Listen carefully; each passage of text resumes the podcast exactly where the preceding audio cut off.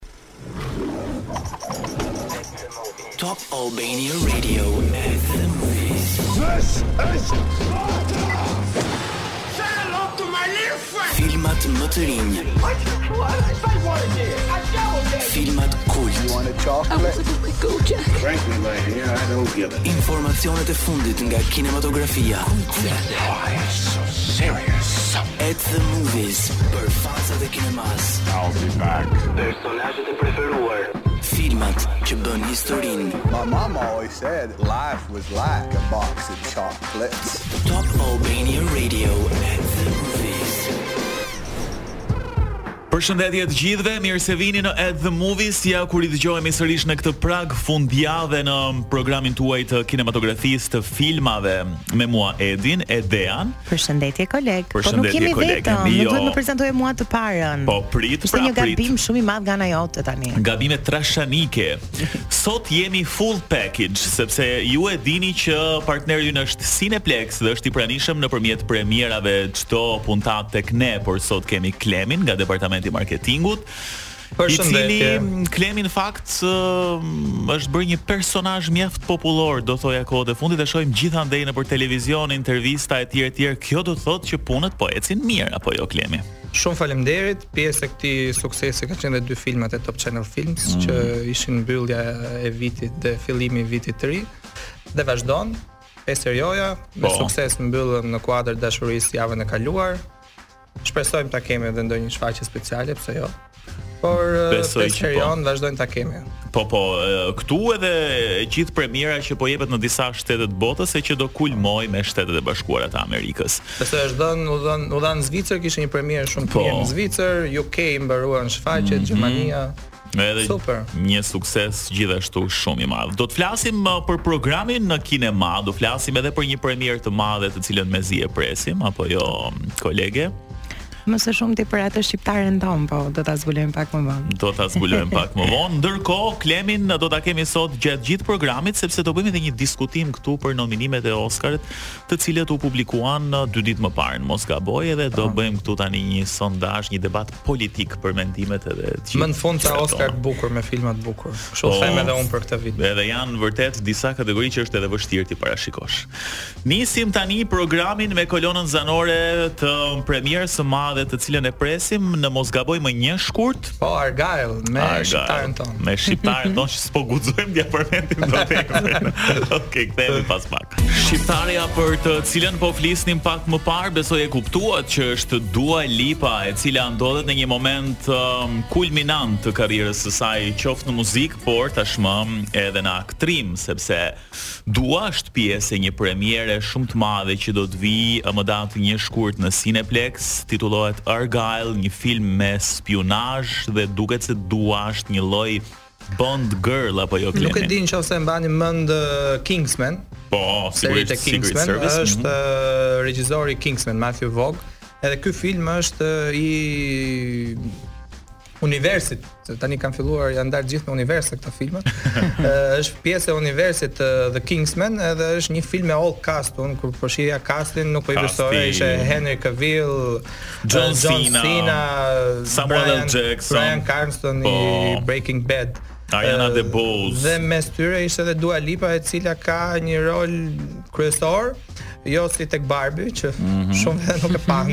pothuajse nuk e pan. Se ndoshta mund të ishte duke ngrënë kokoshka aty ka një pjesë që Dua Lipa edhe nuk ishte aq shumë, por me këngën e Barbie-t bëri namin. Kurse këtu uh, un kam lexuar disa intervista të Matthew Vaughn Dhe ai rolin e Dua Lipës, që është agjentja Lagrange, e ka emrin aty. Mm -hmm. E ka shkruar posaçërisht me idenë që këtë rol do e luaj Dua Lipa dhe pik. Okej, okay, dhe kështu që ka ndryshuar edhe look aty është bërë si bjonde. Po po. Sa thonë që ngjan pak me Taylor Swift. Në një kështu lloj Atomic Blonde. Edhe po, janë po, po. zakonisht sa herë që regjizori e ka ndar a priori se kë do të ketë si rol kryesor, janë gjithmonë role shumë të realizuara. Edhe më duket sikur nuk ka një gjë që Dua nuk di ta bëj. Për një farë kohe u bullizua, ndoshta se nuk dinte të kërcente edhe aq mirë, por mori leksione kërcimi dhe tani dhe mund të kërcejë. Ndoshta kjo e ka ndihmuar edhe për ato skenat e para dy ditësh të qenurit agjente sekrete. Para dy ditësh ishte premiera e filmit në Londër, mm -hmm. në Leicester Square, uh, Dua kishte ishte veshur super. të me thënë drejtën. Patjetër. dhe në disa intervista që po, po shihja të Henry Cavill dhe të John Cena, të dy ishin me superlativa për performancën e Dua Lipës në skenat e aktrimit në film. Gjithashtu edhe Samuel L. Jackson kishte po fliste për superlativa me për Dua Lipën. Kështu që, me thënë drejt, na u bë zemra mal. Po, patjetër, nisur, nisur nga këto komente, se unë po kërkoja pak në rrjet, shumë fansa madje kishin kërkuar që Dua, pse jo të jetë pjesë e kastit të The Witcher, domethënë, duke qenë se e nisi Henry mm. Cavill dhe um, aq ju kanë pëlqyer siç po. duket kjo dyshe, dhe po thonin e duam Duan edhe tek The Witcher. Nuk i dihet nëse do pranojë apo jo, po kam përshtypjen që te ky rol edhe i shkon pak natyrës së saj. Nuk i është dashur kam përshtypjen që të futet shumë në leksione aktrimi sepse um, Dua me performancat e saj uh, edhe në koncerte ka domethënë ato lëvizje tipike të një lloj agjente po themi është është provokuese doja Të thoja. Është subjektive kjo Edi. Është të pëlqen ty. Po flas për vete. Edi shkon flet me super. Në tre veta ato dy për dy jemi shumë okay. Po në tre, në tre. Dy jemi ato. Kështu që kam përshtypjen që mm, edhe në sytë e publikut shqiptar që kanë një lloj këndvështrimi tjetër për Duan, do ta pëlqejnë shumë dhe besoj Klemi kjo është edhe një arsye më tepër për ta parë filmin apo jo. Patjetër që po, domethënë ne po shohim personazhet e showbizit shqiptar, të cilët po krijojnë filma dhe po i përqafojmë këto filma, siç ishin në rastet e fundit. Ë e njëjta gjë besoj edhe me Dua Lipën duke parë nga këndvështrimi i tregut mm -hmm. rajonal Shqipëri Kosovë Besoj që edhe shifrat po e tregojnë që është mm -hmm. një nga filmat më të shitur, biletat ja kanë dalë pre-sale edhe premiera është pothuajse e shitur, por filmi do të vazhdojë për një kohë të gjatë. Ndoshta në Cineplex. Ndoshta ëndërrojmë shumë, po do ishte shumë e bukur dhe ëndrra e të gjithëve ne besoj ah, ta shikonim Duan. Në një film shqip po Zot, do isha e para që do isha ah, Klemi. Më rezervo një biletë po e po. dua në vend të mirë. Do fusja miqësitë e mia. Ose forwarding this to Top Channel Films. Unë po mendoja që pse jo të mos ishte edhe tek një meet and greet në Cineplex ah, TEG ah, me publikun.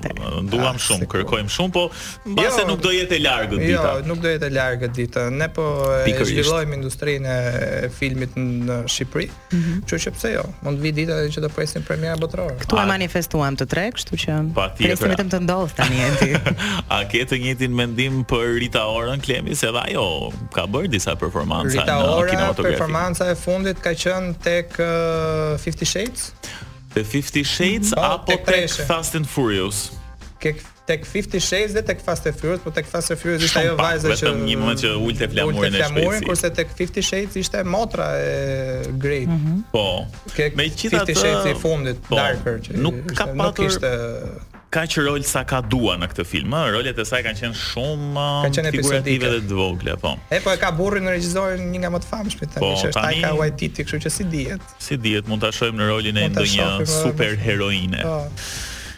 Megjithatë, Argylle është një film shumë interesant dhe duket se ka bërë namin në rrjet. Unë i përmendëm pak më parë në fakt, po do doja të thoja edhe çfarë po ndodh tani në Cineplex me programin, pra vazhdon 5 herë jo, kemi Anyone But You, Aquaman, Beautiful Wedding, Bibi dhe Bobi në qytetin e rë e Borës, Ferrari, Lassie, A New Adventure, Migration, Poor Things që ka marrë njëmbëdhjetë nominime për Oscar. Filmi i preferuar i Edit. Që ende nuk e ka po. parë, nuk e di se ka parë. Ka një probabilitet që unë ndoshta edhe nuk e kam parë, por vetëm fakti që regjisori është Jorgos Lanthimos mm. dhe Emma Stone është luan rolin protagonist, më bën që unë të votoj 10 nga 10 pa e parë ende filmin. Po, do flasim, do flasim. Më vjen turp që po e pranoj që s'e kam parë, por Do jem aty këtë fundjavë për ta parë. Para një jave doli, kështu që je në kohë. Okej. Okay. Po, janë edhe The Beekeeper, Tryeza e Zezë, apo Wonka që mund t'i gjeni uh, në Cineplex edhe të um, prenotoni, po themi, orarin që ju përshtatet më tepër. Po sigurisht, ndoshta me shumë ëndje presim Argylle. Mirë, them të bëjmë një shkputje të vogël dhe pas pak do të rikthehemi për të folur pak për nominimet e Oscarit. Uh, ndërkohë kemi dhe po kemi dhe trailerin e Argylle, ndjes sepse e kisha planifikuar për ta dëgjuar dhe mm, për ta kuptuar edhe ju se për çfarë bën fjalë filmi. Po sikur t'ju thonim se çdo gjë që ju shkruani, I certainly hope you dance as well as you dress. Kthehet në realitet. There's only one way to find out. Nga krijuesi i Kingsman. You and I, we're not so different. Agent Argylle. Little help. Hold on. I want all assets on them now. I need her to write the next chapter. Argylle, nga data 1 shkurt në Cineplexx TEG dhe QTU. God, I hate that cat. Nga data 1 shkurt e kuptuat të gjithë, kështu që mm, mendoj që ta mm, ta prenotoni që tani biletën dhe të planifikoni ditën se kur do ta shikoni Argylle. Siç po ju thoja pak më parë, pas pak do të flasim për nominimet e Oscarit. Këtu ka uh, shumë mendime të ndryshme dhe duket se është e vështirë të pajtohemi për një kategori të caktuar. Jemi tre kritikë të vetëshpallur. Tre kritikë, më pëlqen shumë biseda që do vijë pas pak, kështu që qëndroni me ne. Mirë, jemi rikthyer në program ndërsa po dëgjonim The Spy që um, i shkon padyshim për shtat Argylle. Po do shkëputemi pak nga premiera e shumëpritur më një shkurt. për të diskutuar tani pak për çmimet Oscar, të cilat do të vijnë më 10 mars. Mora vesh që mm, Jimmy Kimmel do të jetë uh, sërish si prezantues për të dytën herë radhazi dhe për të katërtën herë në total. Mua më pëlqen. Edhe mua më pëlqen uh, Jimmy Kimmel. Ndër më të mirë do thoja. Është uh, është bërë traditë tashmë kjo Oscar që marrin gjithmonë personazhe komedianë mm -hmm. uh, që lidhen goxha me komedi. Jo ndoshta moderatorë të mirëfilltë, jo, po. Jo ndoshta po. moderatorë të mirëfilltë, të cilët kanë një krijojnë këto gjërat e veçanta dhe Oscar i shifet me një lupë që nuk i shpëton asgjë. Ëh mm -hmm. uh, dhe besoj që këtë vit është futur edhe me me disa filma që futen edhe tek komercialja dhe tek kinemaja Autor, gjë që e ka afruar çmimet Oscar me publikun që kishte shumë vite që unë personalisht nuk e ndjeja, e ndjeja goxha një hendek shumë të madh ndërmjet filmave të cilët pëlqeheshin nga publiku dhe filmat që kandidohen për Oscar, edhe pse vazhdon akoma ky bani i Oscarëve për filmat Marvel ose për filmat për mm -hmm. superhero sado të mirë qofshin, për shembull këtë vit shumë gjyna nga pikëpamja ime ishte që nuk u nominua për asnjë nga kategoritë kryesore Guardians of the Galaxy Part 3, që ishte filmi i fundit i regjisorit Taika Waititi. Ishte një film që ishte superhero, po që në fund të gjithë kanë qarë nga ai film. Mm -hmm. Ishte ëh super film, kinematografia dhe çdo gjë ishte në maksimum te Guardians of the Galaxy Part 3 dhe mm, akoma vazhdon të mos ketë nominime Oscar. Është sikur fantashkenca ose special effects-at janë diçka deri diku jo aq e përqafuar nga ndarja e çmimeve Oscar. Po diçka që më pëlqen është që kësaj radhe kjo gjë që po diskutonim janë të përfshirë filma që ne i kemi parë dhe në kinema. Edhe mendoj që e tillë duhet të jetë një ndarje çmimesh, që ti bën tifozeri nga shtëpia jote si audiencë, sepse unë si publik i thjeshtë që, ok, jam një filmdashëse, si shumica e dëgjuesve tanë që e dëgjojnë këtë emision çdo të premte.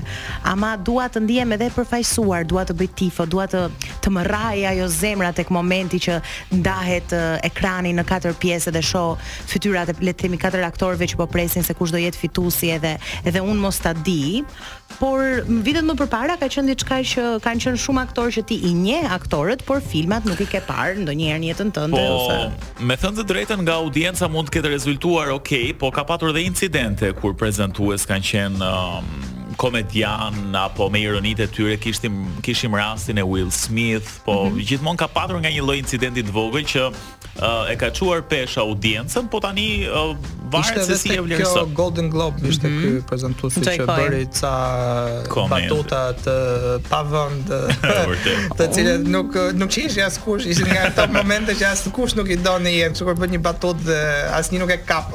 Ose është e pakëndshme për asnjë. Prandaj besoj Jimmy Kimmel do mësojë pak për Oscar nga mm, këto.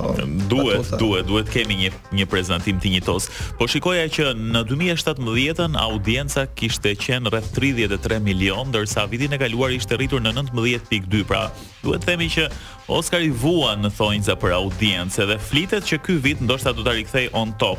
Dhe unë mendoj që është pikërisht kjo arsyeja që ne si audiencë thjesht nuk mhm. jemi të përfaqësuar. Unë shpesh herë kur janë këto filmat që nuk i kemi parë ose janë shfaqur Ëh, Oscari ka dhe një gjë, për shembull Poor Things ka marrë shumë nominime dhe për Golden Globes dhe për Oscars para se të shfaqej edhe në kinema.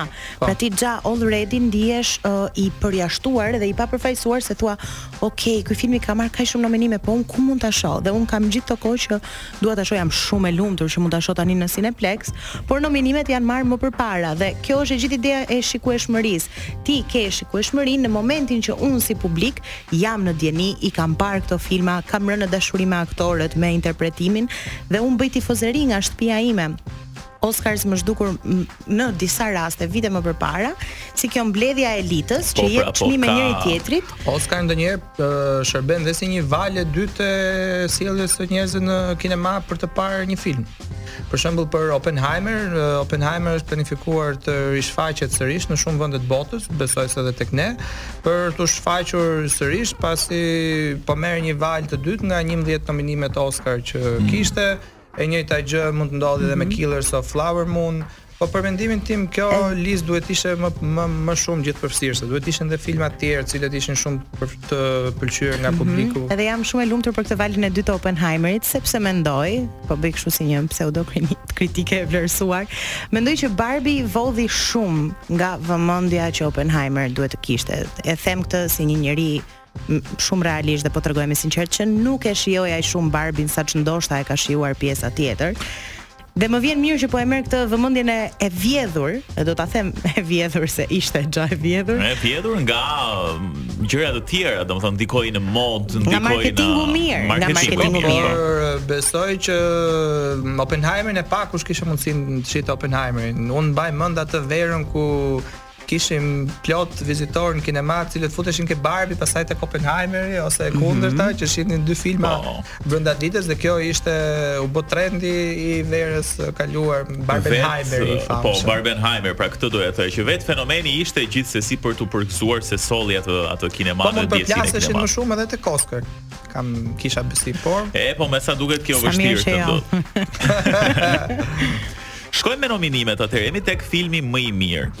Um, kemi American Fiction, Anatomy of a Fall, Barbie, The Holdovers, Killers of the Flower Moon, Maestro, Oppenheimer, Past Lives dhe Poor Things dhe The Zone of Interest. Me thënë të drejtën edhe për ne disa filma janë um, në thonjza të rinj apo që nuk i kemi parë. Kështu që nuk do ndalemi shumë. Unë votoj për para Oscarëve do bëjmë një votim të fuqishëm për të gjitha Kategori. Kategori. Po. po Unë votoj për, po votojmë tani për veten tonë, për Oppenheimer dhe mendoj që nuk ka diskutime për, për filmin më të mirë, po, apo jo. Dakordohemi, por mua më pëlqen edhe që Killers of Flower Moon të marrë sa më shumë sa më shumë çmime. Gjithashtu, um, edhe Killers of the Flower Moon um, ka një gjë vetëm që nuk është shumë një gjë e re apo e veçantë, është domethënë i bukur si film, po diçka që më tingëllon sikur e kemi parë. Po shoh këto aktorët te supporting role dhe janë është një listë wow, domethënë Robert De Niro, Robert eh, Downey Jr, Ryan Gosling, Mark eh, Ruffalo. Kështu që kjo do jetë një nga eh, kategoritë më të forta. Po. Ndërsa tek aktori uh, në rolin kryesor, unë jam gjithashtu për um, Cillian Murphy. Cillian Murphy. Jemi të gjithë Jemi të tre dakord. I cili by the way ka nisur do nisi xhirimet në maj për uh, Peaky Blinders the movie. Oh, okay. oh, super lajm ky dhe mezi po e pres. Ndërsa mm, uh, tek uh, aktorja në rolin kryesor, un jam më shumë për um, aktoren uh, me Lily Gladstone, po, domethënë Native American. Kurse unë do ta argumentoja kundër këtë se Edi e ka diskutuar që kur ka parë Killers of the Flower Moon, interpretimi që i ka pëlqyer më shumë ka qenë nga aktorja native, po për mua personalisht që kam parë Maestron dhe e dashurova si film, patjetër që Carey Mulligan në çdo rol që luan, vjedh shkëlqim kur ka arritur të vjedh shkëlqim nga Leonardo DiCaprio dhe nga Bradley Cooper në këtë rast deri diku. Betejat uh, janë të forta, e meriton. e meriton dhe kjo. Nuk uh, nuk mund të them dot gjë, por për Lily Gladstone më ka pëlqyer jashtëzakonisht shumë. Okej, bëjmë një shkëputje të vogël tani dhe rikthehemi dhe pas pak për të bërë këtë mbylljen e parashikimeve tona e për t'u përshëndetur me ju. Shumë pak kohë na ka mbetur, por ne do të ikim shpejt e shpejt me një parashikim për regjisorin sepse është kategori shumë e rëndësishme.